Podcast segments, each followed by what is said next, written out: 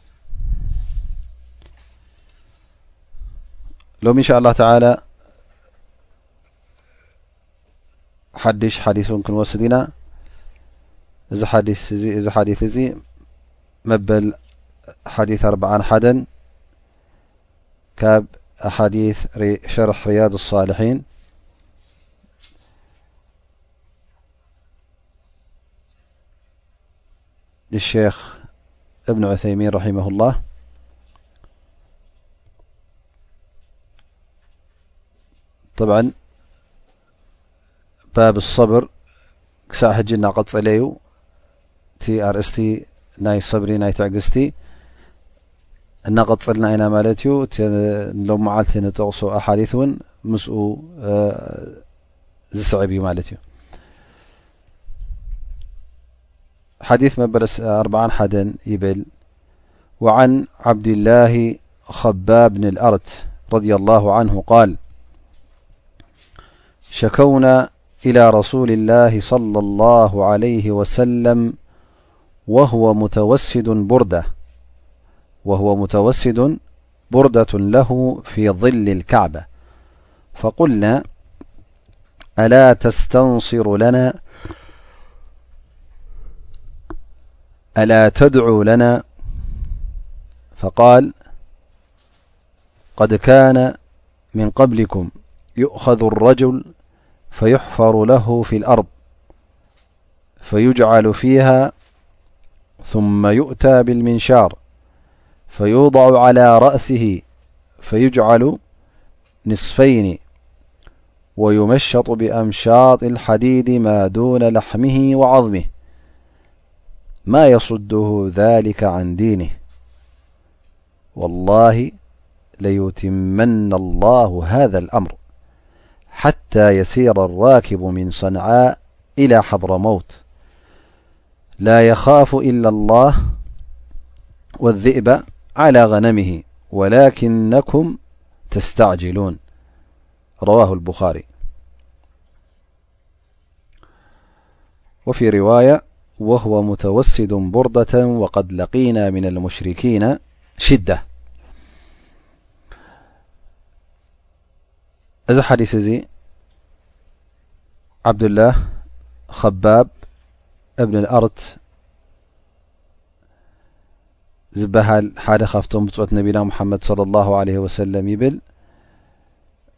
ሓደ ግዜ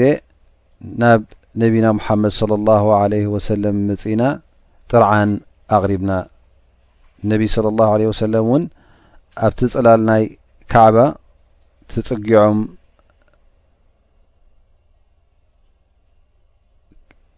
ከምዚ ቡርዳ ሓደ ከምዚ ነጸላ ዝኣመሰለ ከምኡ ተተርኢሶም ኣብኣ ረኺብናዮም እሞ ያ ረሱላ ላህ እንታይ ኮንካ ኢኻ ዱዓ ዘይትገብረልና ኣላ ስብሓን ወተዓላ ክዐውተና ስለምንታይ ዱዓ ዘይትገብረልና ኢልናዮ ፈነቢ صለ ላሁ ለ ወሰለም እንታይ ኢሎም መሊሶም እቶም ቅድሜኹም ዝነበሩ ቅድሚ ሕጂ ሓደ ሰብ ወይ ሓደ ሰብኣይ የምፅዎ እሞ ጉድጓድ ይኹዕትሉ መሬት ኣብዚ ጉድጓድ የእትውዎ ዳሕራይ መጋዝ ኣምፅኦም ኣብ ርእሲኡ የንብርዎ እሞ ኣብ ክልተ ይጨድዎ ይመቕልዎ ነይሮም ከምኡ እውን ንገሊኦም ናይ ሓፂን ምሽጥ ኣምፅኦም ኣብ መንጎ ኣዕፅምቶምን ኣብ መንጎ ስጋኦምን የእትውሎም ነይሮም እዚ ኩሉ እናገበርዎም እንከለዉ ግን ካብቲ ዲኖም ፈልከት ኢሎም ይምለሱ ይነበሩን ኣነ እውን ምሕል ኣለኹ ኣላ ስብሓን ወተላ እዚ ሒዝዮ ዝመፅእኩ እዚ ዲን እዚ እዚ ሃይማኖት እዚ ክዐውቶ እዩ ፅባሕ ንግሆ ክሳዕ ገያሻይ ካብ ሰንዓ ክሳዕ ሓድረሞት ክገይሽ እንከሎ ምንም ከይፈረኸ ክገይሽ እዩ ብጀካ ንኣላ ስብሓን ወተላ እንተዘይኮይኑ ከምኡ ውን እንተ ደኣ ጥሪት ኣለውኡ ኮይነን ጠለ በጊዕሲ ዘብእ ንኸይበልዐ እንተዘይፈሪሁ ካብ ካልእ ማለት ኣብ መንገዲ ጸኒሖም ዝኸትሩ ሰባት ኣብ መንገዲ ጸኒሖም ገንዘብካን ክቐትሉኻን ዝፍትኑ ሰባት እዚ ነገራት እዚ ኣይክርከብን እዩ ማለት እዩ ማለት መሬት ኩሉ ምሬት እስልምና ኮይኑ ኩሉ ብኣማንን ብሰላምን ክነብር ከም ምዃኑ ይሕብሩ ነቢ ስ ሰለም ኣብ መጨረሻ ግን ይብሎም ወላኪነኩም ተስተዕጅሉን ግን ብጣዕሚ ተህወኹ ኣለኹም ኢሎም እነቢ ስለ ላሁ ለ ሰለም ነዚ ዘረባ እዚ በዚ ደምዲሞሞ ማለት እዩ እዚ ብሕፅር ዝበለ ናይዛ ናይዛ ሓዲስ እዚኣ ትርጉም ይኸውን ማለት እዩ ጠብዓ እዚ ሓዲስ እዚ እንተ ርእናዮ ኣብቲ ግዜ ነቢና ሙሓመድ ስለ ላ ሰለም ዝነበርዎ ምስ ብፆቶም ኣብቲ ቀዳማይ መድረኽ ኣብ ጌና ኣብ መካ ከለዉ ብጣዕሚ ካብቶም ሙሽሪኪን ካብቶም ቁሬሽ ካብቶም ክሓቲ ኣብ መካ ዝነበሩ ብጣዕሚ ጉድኣት ይወርዶም ነይሩ ብጣዕሚ ሽግራት የጓንፎም ነይሩ እዚ ምስ በርትዖም ድማ እቶም ብጾት ነቢና ሙሓመድ ሰለላሁ ዓለይሂ ወሰለም እቲ ግብረ እከይ ናይ ቶም ቁሬሽ ናይቶም ከሓቲ ናይቶም ሙሽሪኪን ምስ ከፈኦም ምስ መረሮም እንታይ ኢሎም ማለት እዩ እንታይ ደኣ ነቢና ሓመድ ስ ሰለም ስደይ ንዛረቡ ዱዓ ደይገብረልና ካብዚ ዘለናዮ ሽግር ንክንወፅእ ካብዚ ዘለናዮ መዓት ክቃለለልና ኢሎም ናብ መን ይመጹ ናብ ነቢና ሙሓመድ صለ ላሁ ዓለይሂ ወሰለም ይመጹ ማለት እዩ እንታይ ክገብሩ እዮም ጥርዓን ከቕርቡ ወነቢ ስለ ላ ሰለም ኣብ ትሕቲ ካዕባ ኣብቲ ፅላል ናይዛ ናይ ካዕባ ቡርዳ ወይ ከዓ ከምዚ ነፀላ ንበሎ ወይ ከዓ ዝኾ ዓለባ ዝሽፈኖ ዝኽደኖ ማለት እዩ ኣብኡ ኣብኣ ተፀጊዖም ወይ ከዓ ንዓ ተተርኢሶማ ከለዉ ይመጽዎም ማለት እዩ ሽዑ ጥርዓኖም ምስ ኣቕረቡ እቶም ኣስሓብ እቶም ብፆት ነቢና ሙሓመድ ለ ላ ለ ወሰለም ያ ረሱላ ላ ንሕናስ ብጣዕሚ ተሸጊርና እሞ እስከ ድዱዓሊ ትገብረልና ካብዚ ዘለናዮ ሽግር ካብ ዘለናዮ መዓት ካብዚ ዘለናዮ ኩነታት ሕማቕ ኩነታት ንክን ወፅእሲ ዱዓሊ ትገብረልና ኢሎም እቶም ኣስሓብ ነቢ እቶም ብፆት ነቢና ነቢና ሙሓመድ ስ ሰለም ይሓትዎም ማለት እዩ ፈነቢ ለ ላ ለ ወሰለም እንታይ ኢኹም ትብሉ ዘለኹም እዚ ዝወርደኩም ዘሎ ሽግር ይኹን ዳኣ እምበር ካብዚ ዝኸፍእ ቅድሚኹም እቶም ቅድሚኹም ዝነበሩ ምእመናን ኣጓኒፍዎም እዩ ካብዚ ዝኸፍእ ሽግራት ኣሎ እዚ ዘጓንፈኩም ዘሎስ ቀሊል እዩ ቀደም ካብቶም ኣሕዋትኩም እቶም ዝሓለፉ ኣሕዋትኩም ምእመናን እንታይ እዩ ዝግበር ነይሩ ኣምፂኦም ጉድጓድ ይኹዕትሎም ነይሮም ጉድጓድ ክዒቶም ኣብዛ ጉድጓድ ኣእትዮም ምንሻር ማለት መጋዝ ኣምፂኦም ኣብዛ መንብስብስቶም ገይሮም ናብ ክልተ ይመቕልዎም ነይሮም ከምኡ እውን ብሓፂን ተሰርሐ ምሽጥ ኣስናን ዘለዉ ማለት እዩ ምጺኦም ኣብዚ ኣካላቶም ይሸኽልሎም ነይሮም ኣብ መንጎ ኣዕጽምትሞምን ኣብ መንጎ ስጋኦምን ኣትዩ ይጨዳድዶም ወይ ከዓ ይጠብሖም ነይሩ እዚ ከምዚ ዝርከብ ነይሩ እሞ እስኹም ብዝያዳ ሰብሪ ክትገብሩ ኣለኩም ካብኦም ድሕሪኡ ነቢ ስለ ላሁ ለ ሰለም እውን ይምሕሉ ኣነ ኣላ ስብሓን ወተላ እዚ ዲን እዚ እዚ ሒዞሞ ዝመፁ ዲን እዚ እስልምና እዚ ክምልኦ ከም ምዃኑ በዚ ዘለዎ ድኽመትን በቲ ዘለዎ ውሕደት ናይ ተኸተልትን ክነብር ከም ዘይኮነ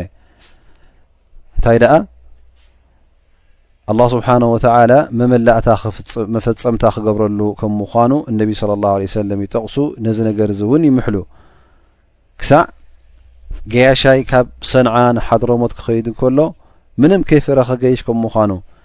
ካብ ኣላ ስብሓን ወተላ ጥራይ እዩ ዝፈርህ ጥሪት እንተለዎኡ ድማ ዝብኢ ንኸይነወስደሉ ጥራዩ ክፈርህ ደኣ እምበር ካልእ ሰጋእ መጋእ ዘብሎ የለን መሬት ኩሉ ኣማንን ሰላምን ክኸውን እዩ መሬት እስልምና ኮይኑ መገዲ ዝኸትር የለ ንሰብ ዝጎድእ የለ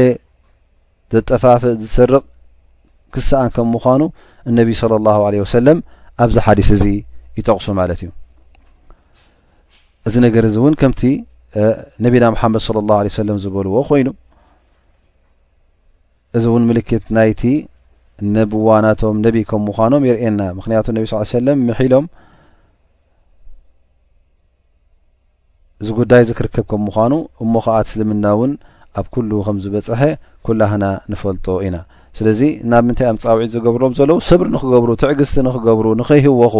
ዳኑ መጨረሻ እውን እንታይ ኢሎሞም ወላኪነኩም ተስታዕጂሉን ኩሉ ግዜ ወዲ ሰብ ህውኽ እዩ ወዲ ሰብ ኩሉ ግዜ ዓወት ክረክብ ቀልጢፉ ካብቲ ሽግሩ ንክወፅእ ህውኽ እዩ ስለዚ እነቢ ለ ላ ለ ሰለም ይብልዎም ወላኪነኩም ቆውሙን ተስታዕጅሉን ስለዚ ተተሃወኹ ኩሉ ነገር ብመዓልቱ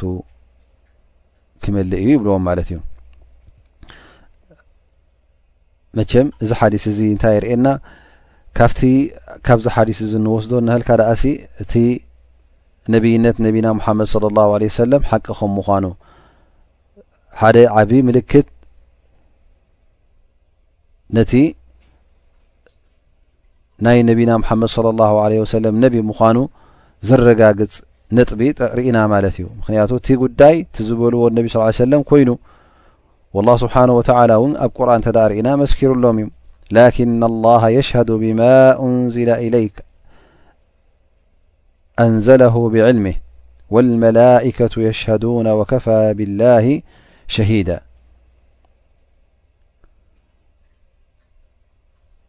እዘን ኣላ ስብሓን ወተላ ነቢና ሙሓመድ ስለ ላ ሰለም እቲ ዝመሓልዎን ዝበልዎን ኣብ ግብሪ ውዒሉሎም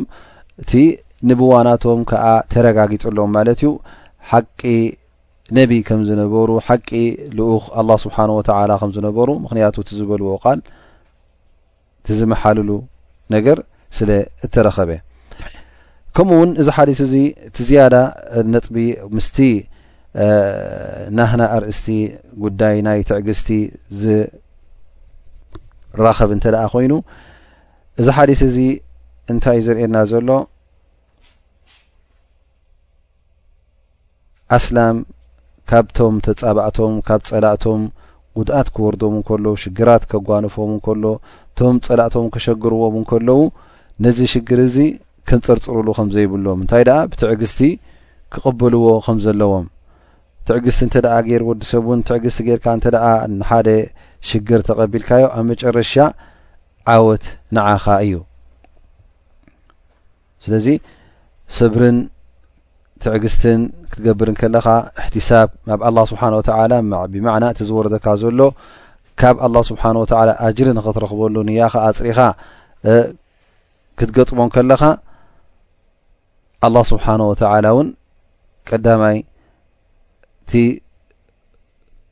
ጉድዓት ዝወርደካ ዘሎ መቕፊራን ኣጅርን ይኾነካ ዘንብኻ ብሰንኩ ይፀርየልካን ይሕፀበልካን ኣብ ርእሲኡ እውን ኣጅሪ ትረኽበሉ ምክንያቱ ሊላህ ኢልካ ስለተቐበልካዮ ኣላ ስብሓን ወተዓላ ር ሰናይ ክፈድየኒዩ ኢልካ ስለ ተዓገዝካ ኣላ ስብሓን ወተላ እውን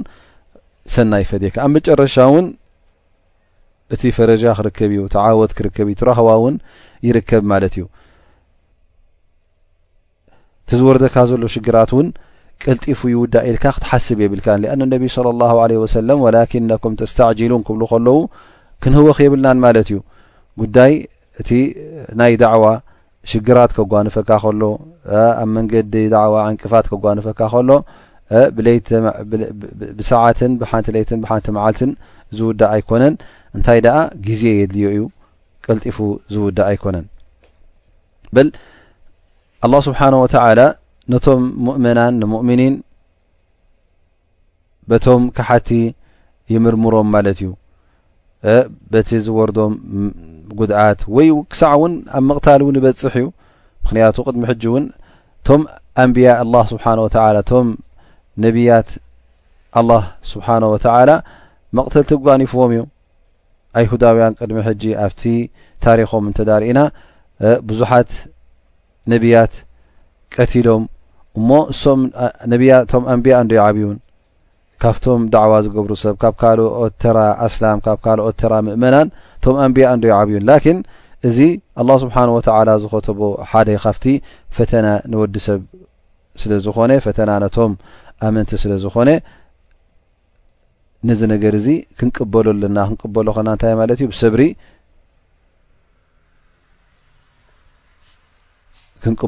ብሰብሪ ክንቅበሎ ወይ ከዓ ብሰብሪ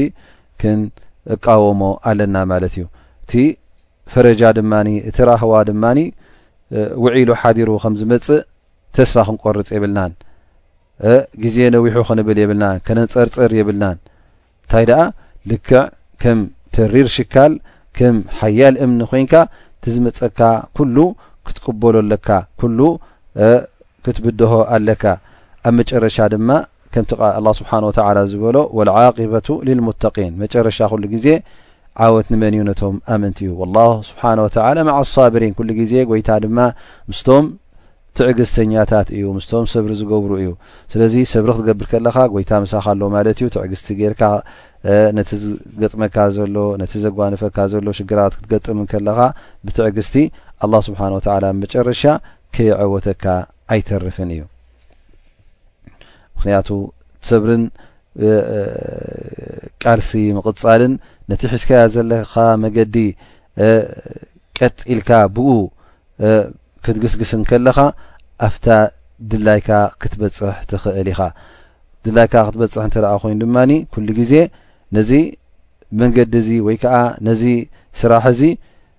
ብጽፉፍ ኣገባብ ክትሰርሖ ኣለካ ማለት እዩ። ብስሩዕ ኣገባብ ክትሰርሖ ኣለካ ማለት እዩ። ንዓኻ ዘበላሽወልካን ዘኽፍኣልካን ከይፈጸምካ ካብቲ ጸላእትኻ ጸላእቲ እስልምና ዝገብሩልካ መጻወድያ ከይ በቲ እሶም ዝገብሩልካ መጻወድያታት ከይተኣሰርካ ወይ ከዓ በቲ ዝገበሩልካ መጻወድያታት ከይተረኸብካ ንዕኡ ብብልሓት እናሰገርካ ቀጢልካ ክትከይድ ኣለካ ማለት እዩ ምክንያቱ እቶም ፀላእትካ እቶም ተፀባእትካን እውን ናቶም ስልትን ናቶም ስርዓት ኣለዎም ኣንፃርካ ክቃለሱ ከለዉ እውን ሱቅ ኢሎም ኣይኮኑን ብዘይ ስነ ስርዓት ዝቃለሱካ እንታይ ደኣ ንሶም ክቃለሱካ ወይ ከዓ ንዓኻ ከውድቑ ክሓስቡ ከለዉ ክፃብኡካ ከለዉ ንሶም ዝገብርዎ ተግባራት እውን ስሩዕን ጽፉፍን ክኸውን ስለ ዝደልዩ እሞ ንስኻ ድማ ካብኦም ብዝያዳ ዝሰራዕካን ዝተጸፈፍካን ክኸውን ከለኻ ኣብቲ ድላይካ ትበጽሕ ማለት እዩ ምክንያቱ ገለ ገለ ሰባት ንእሽተይ ዕልሚ ረኺቦም ወይ ከዓ ንእሽተይ ፍልጠት ሒዞም እሞ ከዓ እቲ ሒዝናዮ ዘለና መገዲ ቅኑዕ እንድዩ ንሕና እውን ክንዕወት ኢና ኢሎም ከይሓሰቡ ከይ ነደፉ ነቲ ጉዳይ ጽቡቕ ገይሮም ከየጻረዩ ተሃዊኾም ኣብ ገለ ገለ ገለ ስጉምቲታት ገለ ገለ ስጉምቲታት ፈጺሞም ኣብ ብዙሕ ጌጋታት ይወድቁ ማለት እዩ እቲ ዝነደቕዎ ኩሉ ብሓንቲ ስጉምቲ ብክልተ ስጉምቲ ጌጋታት ኩሉ የፍርስዎ ማለት እዩ ሚተ ዓመት ዝሃነጽዎ ብሓንቲ ጌጋ ኩሉ ይበላሸዎም ማለት እዩ እዚ ስለዚ ንዓና እንታይ ይርእየና ማለት እዩ ሰብሪ ብዝያዳ ኣብቲ ቀዳማይ መድረኽ ብጣዕሚ ኣድላይ ከም ምዃኑ ምክንያቱ እቶም መሪሕ ዘለዉ እቶም ኣብ ቀዳማይ መድረኽ ዘለዉ ንሶም እንተ ደኣ ነቲ ኩሉ ሽግራት ብትዕግስቲ ሓሊፎሞ እቲ ስራሓት ኩሉ ብህድኣት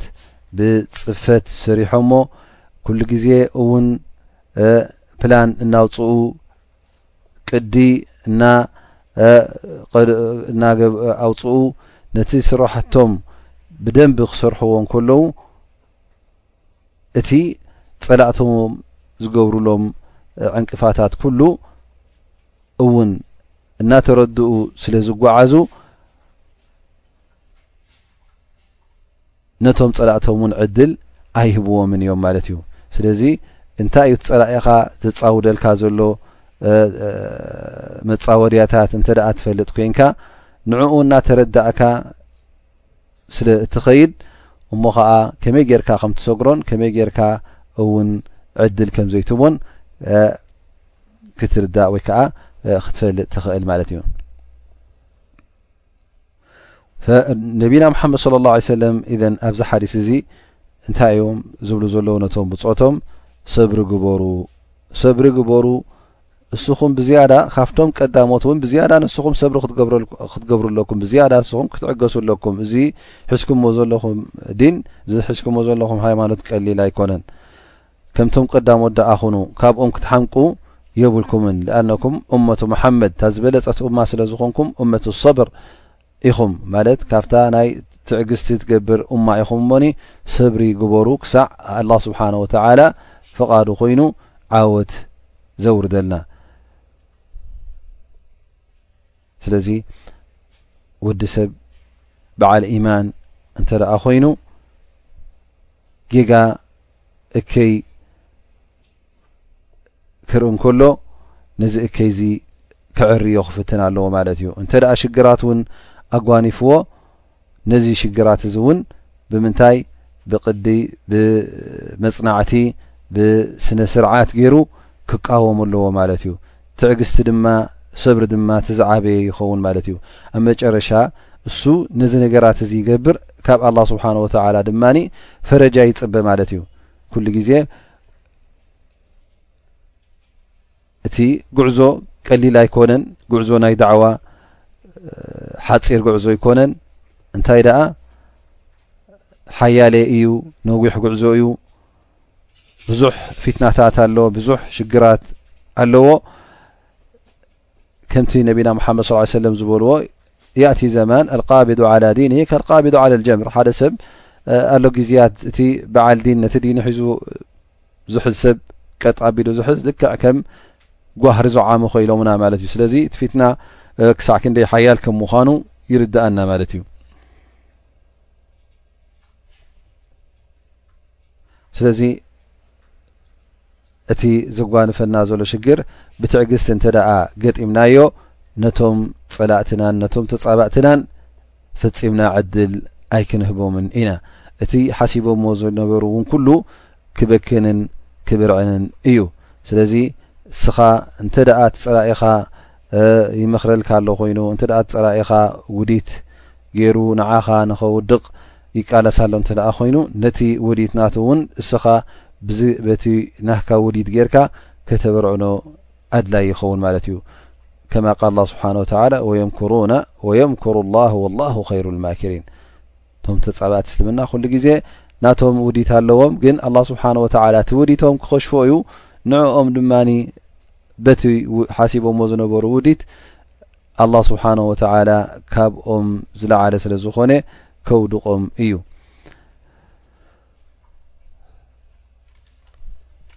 إذن ز حديث بز دمدم حديث مبلبعح نشاء الله بدحر دما ابت حديث مبلبع كلت نأت بإذن الله تعالى الحديث الثاني والأربعون وعن بن مسعود رضي الله عنه قال لما كان يوم حنين آثر رسول الله صلى الله عليه وسلم ناسا في القسمة فأعطى الأقرأ بن حابس مئة من الإبل وأعطى عيينا بن حسن مثل ذلك و أعطى ناسا من أشراف العرب و آثرهم يومئذ في القسمة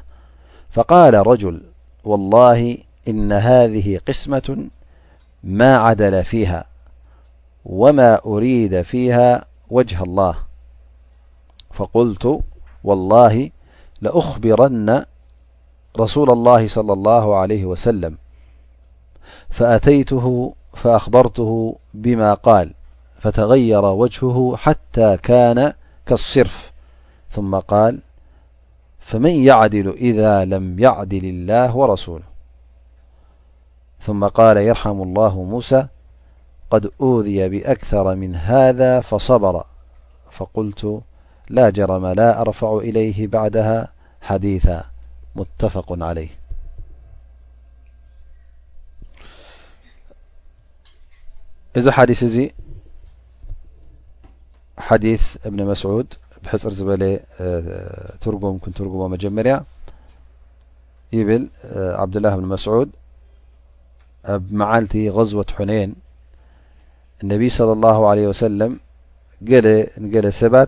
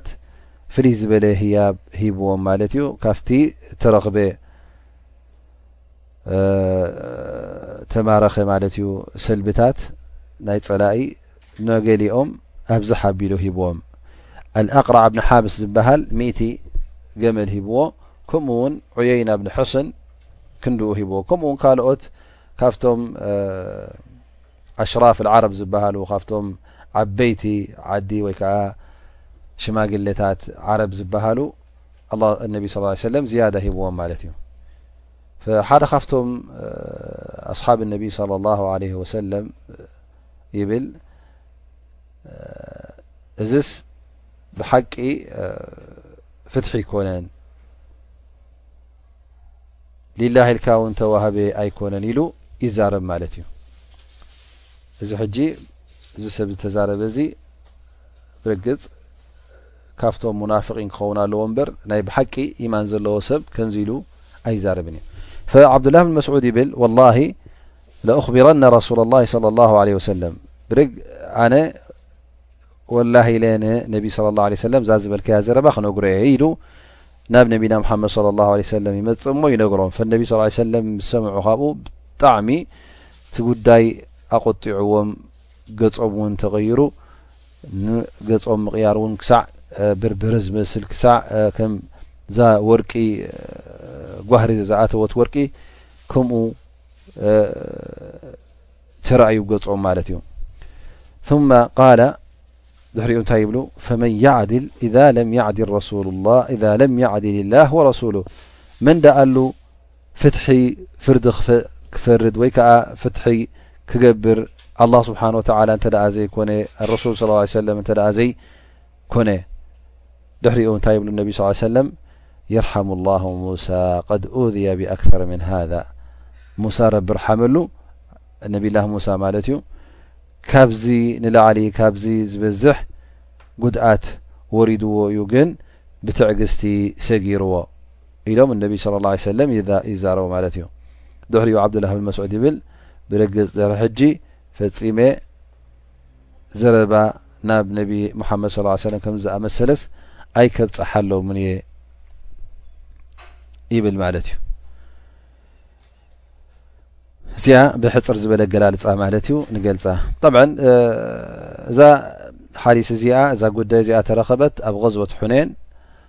غዝወት ሑነይን ክበሃል ከሎ ከኣ ኣብ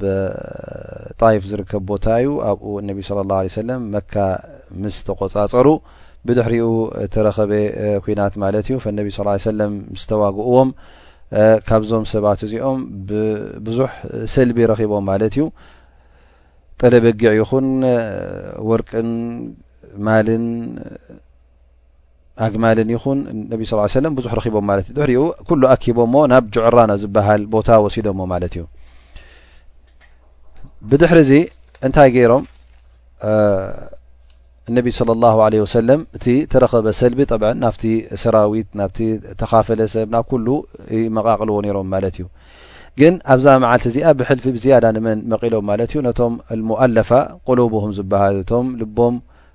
ኣብ ቀረባ ዘሎ ማለት እዩ ንክኣምኑ ወይ ከዓ ሕጂ መጀመርያ ናብ እስልምና ዝኣትዉ ዝነበሩ ማለት እዩ ፈነቢ ስለ ላሁ ለ ሰለም ነዞም መራሕቲ ቀቢላታት ዓረብ እዚኦም ዝያዳ እንታይ ሂብዎም ማለት እዩ ካብቲ ንካልኦት ዝህቦ ዝነበረ ንዕኦም ዝያዳ ሂብዎም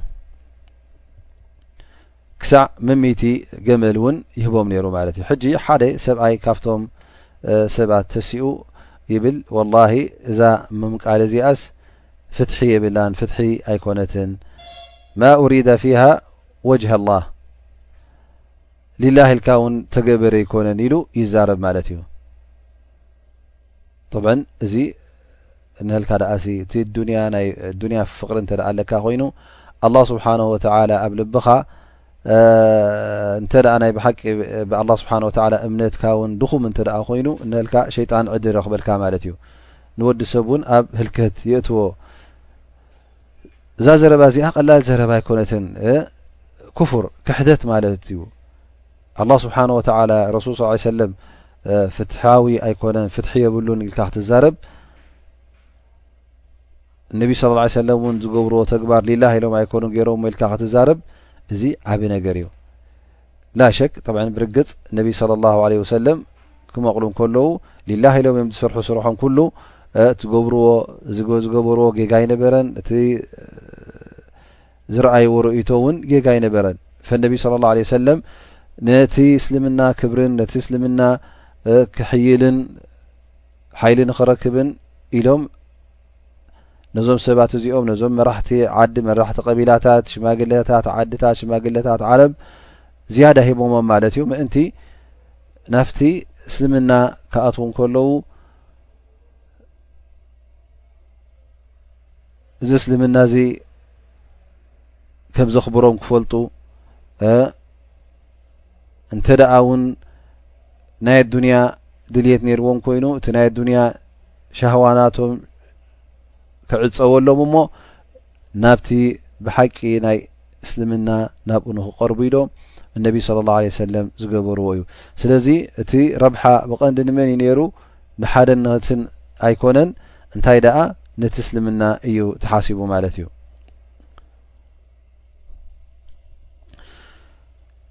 ዓብዱላህ ብን መስዑድ እዛ ዘረባ እዚኣ ምስ ሰምዑ እንታይ ገይሩ ማለት እዩ ናብ ነቢና ሓመድ ስ ሰለም ከይዶም ከምዝ ከምዚ ንብል ኣሎ ዝሰብ እዚ ከምዚ ኢሉ ተዛሪቡ ኢሎም ተዛሪ ነጊሮሞ ማለት እዩ ንመን ነቢና መሓመድ ስ ሰለም ነቢና መሓመድ ስ ሰለም እውን ብጣዕሚ እዚ ነገር እዚ ኣቆጢዕዎም ከመይ ገይሩ ከምዚ ገይሩ ዛረብ ኢሎም ክሳዕ ኣብ ገፆም ዝፍለጥ ማለት እዩ ገፆም ጓህሪ መሲሉ ገፆም እውን ተወሊዑ ማለት እዩ መን ደኣሉ ፍትሒ ክገብር እንተ ኣላ ስብሓን ወተላ ዘይገበሮ እንተ ረሱል ልኡክ ኣላ ስብሓን ወተላ ዘይገበሮ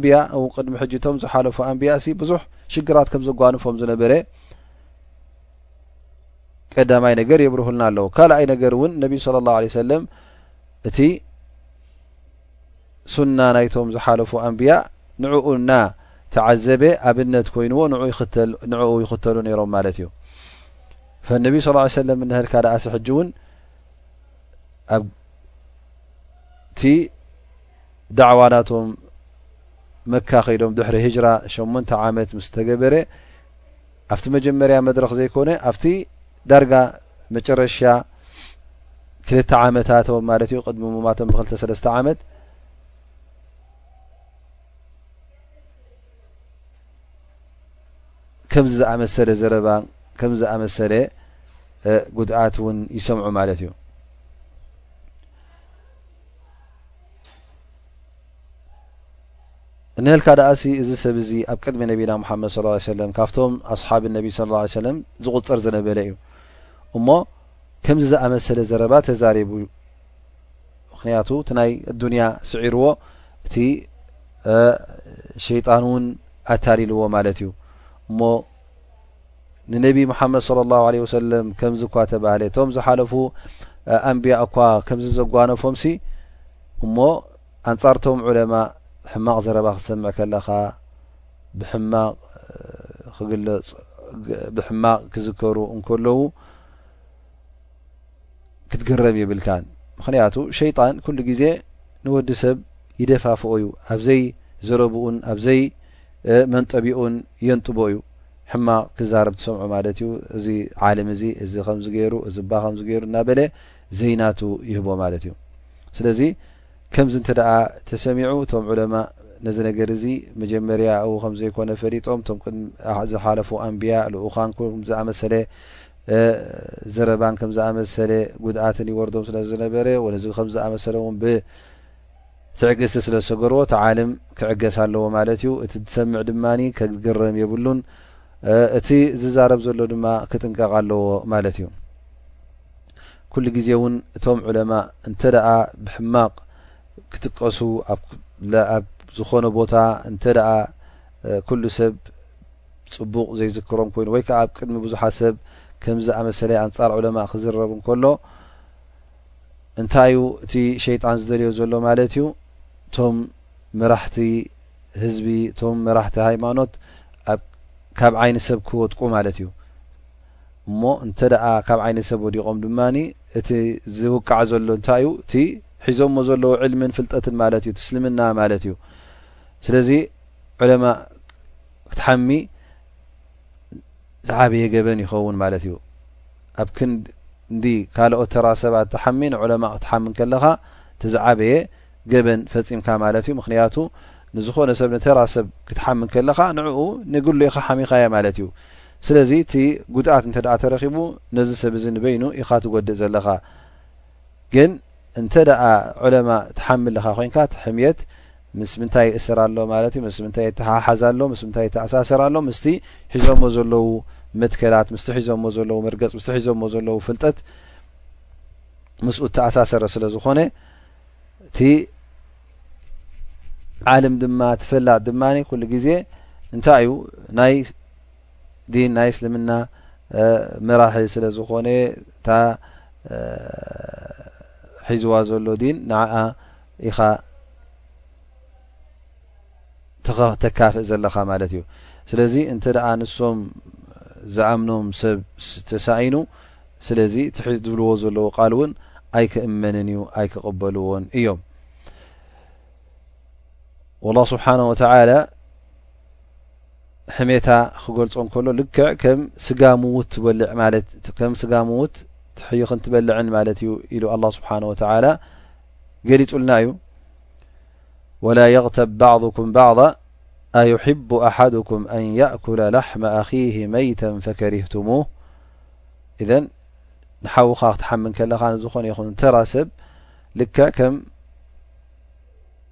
ስጋ ሙት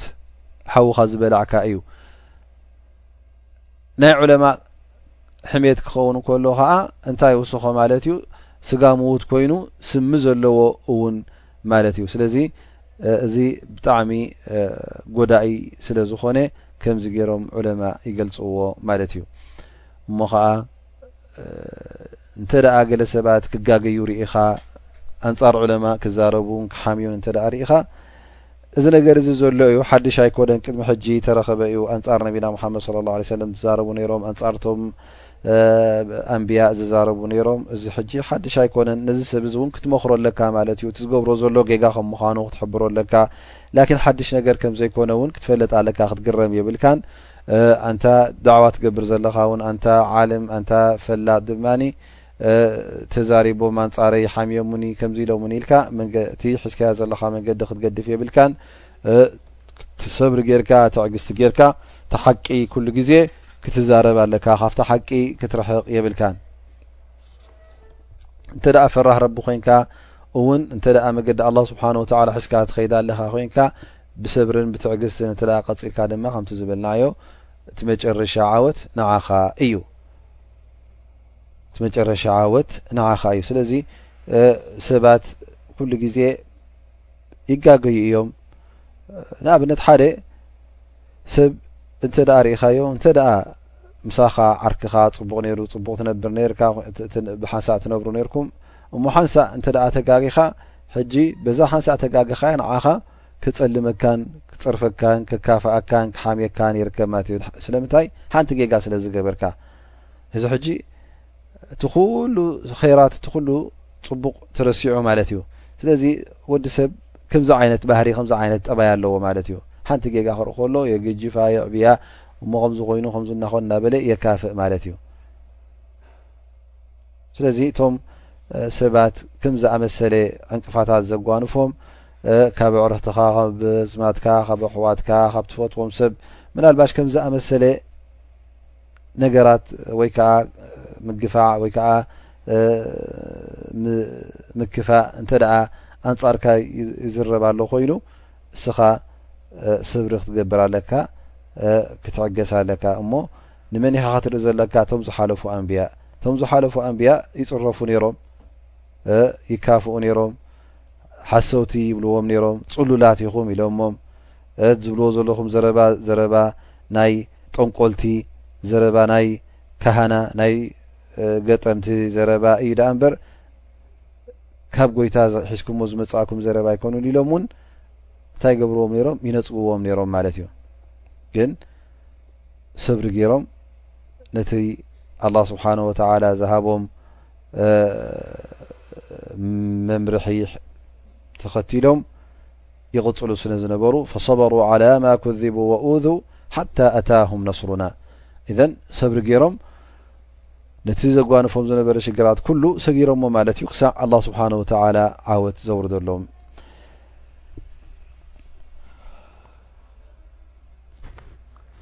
ካብቲ ፋይዳታት ንወስዶ ዚ ሓዲስ እውን እንተ ርእና እቲ መራሒ እስልምና ዝበሃል መራሒ ዓዲ ዝበሃል እንተ ደኣ ክህብ ከሎ ንገለ ሰባት ፍልይ ኣቢሉ ኣብዛ ሓቢሉ እተ ሂብዎም እዚ ነገር እዚ ይፍቀድ ከም ምዃኑ እዩ ዘርእየና ዘሎ ግን ክህብ ከሎ ንምንታይ ክኸውን ኣለዎ ነቲ እስልምና ኩሉ ጥቕሚ ዘለዎ እንተ ኮይኑ ግላዊ ወይ ከዓ ውልቃዊ ረብሓ ዘይኮነ ንውልቃዊ ረብሓ ዘይኮነ እንታይ ደኣ ንሓፈሻዊ ረብሓ ክኸውን እንከሎ እሞ እዚ ሰብ እዚ ዘምፅኦ ረብሓ ሓፋሽ ኮይኑ ብሙሉኡ ህዝቢ ኮይኑ ረብሓ ዘምፅኦ ስለ ዘለዎ እንተ ደኣ ተዋሂቡ እዚ መሰሉ እዩ ማለት እዩ እቲ መራሒ ከምዚ ገይሩ ክህብ ግን እንተ ነቲ እስልምና ወይ ከዓ ናይ ሓፈሻዊ ረብሓ ዘይብሉ እተ ኮይኑ ስቁኢልካ ግን ኣይዋሃብን እዩ ኣብዚ ሓዲስ እዚ እውን ዘርእየና ነቢ صለ ላه ለ ወሰለም ነቢ ክነሶም እቶም ዝሓለፉ ኣሕዋቶም ኣንብያ ዝገብርዎ ዝነበሩ ናቶም ታሪኽ ናቶም ጽንዓት ተዓዚቦም እንታይ እዮም ዝገብሩ ነይሮም ማለት እዩ ኣሰሮም እውን ይኽተሉ ነይሮም ኣብዚ ጉዳይ እዚ እውን ከምዚ ዝረኣናዮ ንመን ዘኪሮም ንሙሳ ዓለይህ ሰላም ዘኪሮም ማለት እዩ ለቀድ ኡዝያ ሙሳ ብኣክር ምን ብኣክር ምን ሃذ ፈሰበር ኢሎም ሙሳ ካብዚ ዝበዝሕ ካብዚ ዝዓቢ ሽግር ኣጓኒፍዎም እዩ ግን ብሰብሪ ሰጊሮሞ ኣነ እውን ሰብሪ ክገብር ኣለኒ ኢሎም ማለት እዩ ወየቁል ኣ ስብሓን ወተላ ለድ ካነ ፊ ቀሰስህም ዕብረቱ ሊኡል ኣልባብ ለቀድ ካነ ፊ ቀሰስህም ዕብረቱ ሊኡል ኣልባብ ቀሶስ ናይ መን ናይ መን ዛንታ ናይቶም ዝሓለፉ ኣንብያ ዛንታታት ይብለና ኣላ ስብሓን ወተዓላ ነቶም ልቢ ዘለዎም ነቶም ልቦና ዘለዎም ነቶም ለባማት እንታይ እዩ ዒብራ መለበሚ እዩ ኣብነት እዩ ወየቁል ላ ስብሓ ኡላይከ ለذነ ሃዳ ላህ ፈብሁዳሁ ሙቅተዲህ እዚ ንነቢና ሙሓመድ ስ ሰለም ተዋህበ ትእዛዝ እቲኦም እዮም እቶም ዝሓለፉ ኣንቢያ እሶም እዮም ኣላ ስብሓን ወተዓላ ናብ መገዲ ሓቂ ዘትሓዞም ናብ ኼር ዝሃደዮም እሞ እስኻ እውን በቲ እሶም ዝተጓዓዝዎ መስመር ንዕኡ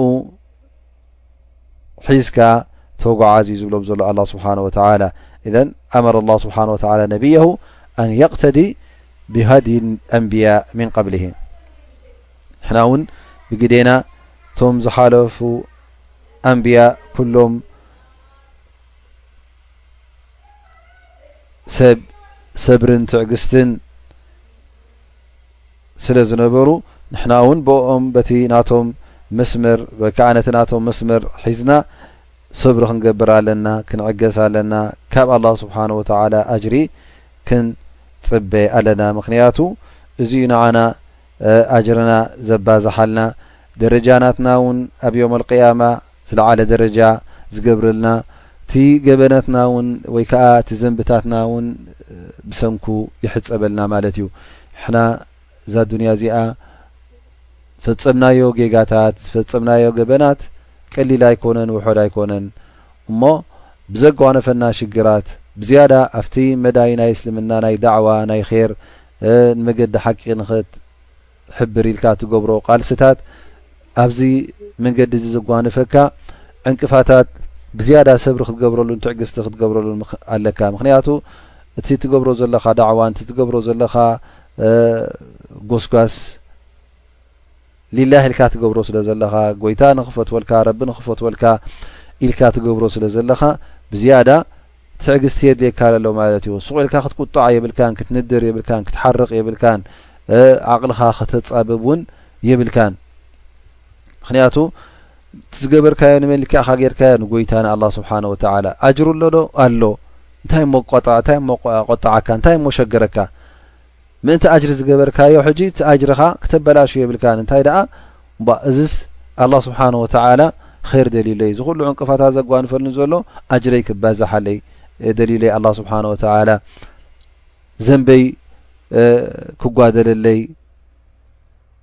ኢሉ እዩ ኣላ ስብሓን ወተላ እዚ ነገራት እዚ ርኪቡ ኣብ ቅድመይ ዘፅንሖ ዘሎ ኢልካ ከምዚ ዝኣመሰለ እምነት ክተሐድር ከለኻ ኣወልን ትልብኻ ይረግእ ይሃድእ ትዕግስቲ ትገብር ሪዳ ትረክብ ስለዚ እዚ ስለ ዝኾነ ከዓ